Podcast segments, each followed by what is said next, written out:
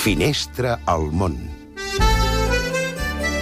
Anem cap a Washington, Xavier Vilà, bona nit. Bona nit. La proliferació de camions menjador a Washington, com els que us mostro a la postal d'avui, amplia l'oferta gastronòmica d'una ciutat acostumada a dinar a peu dret o sobre l'escriptori, davant de l'ordinador, vaja.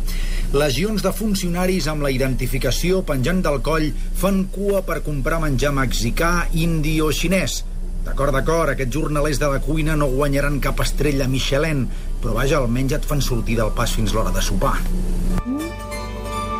Gràcies, Xavier. Anem cap a Tailàndia ara. En Jordi Calvet, Sabaricà. Sabaticà, Palisa. Un dels herois més populars de Tailàndia és Naresuan, rei de l'antic regne de Yutaya, que al segle XVI va evitar una invasió de l'exèrcit del rei birmà en una batalla que es va resoldre amb un duel entre els dos monarques enfilats dalt d'elefants.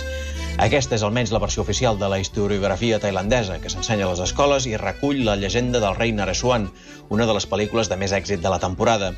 Però l'historiador local Sulaxi Baraxa ha dit que aquest combat entre els dos reis no té fonament històric i que es tracta d'un episodi inventat, una afirmació que li ha costat una acusació per un delicte de lesa majestat, una llei que preveu penes de 15 anys de presó pensada per evitar tota crítica a la família reial i que des del cop d'estat del maig s'ha convertit, en més de 30 casos, en un dels principals instruments de la Junta Militar per intimidar i esclafar la dissidència política.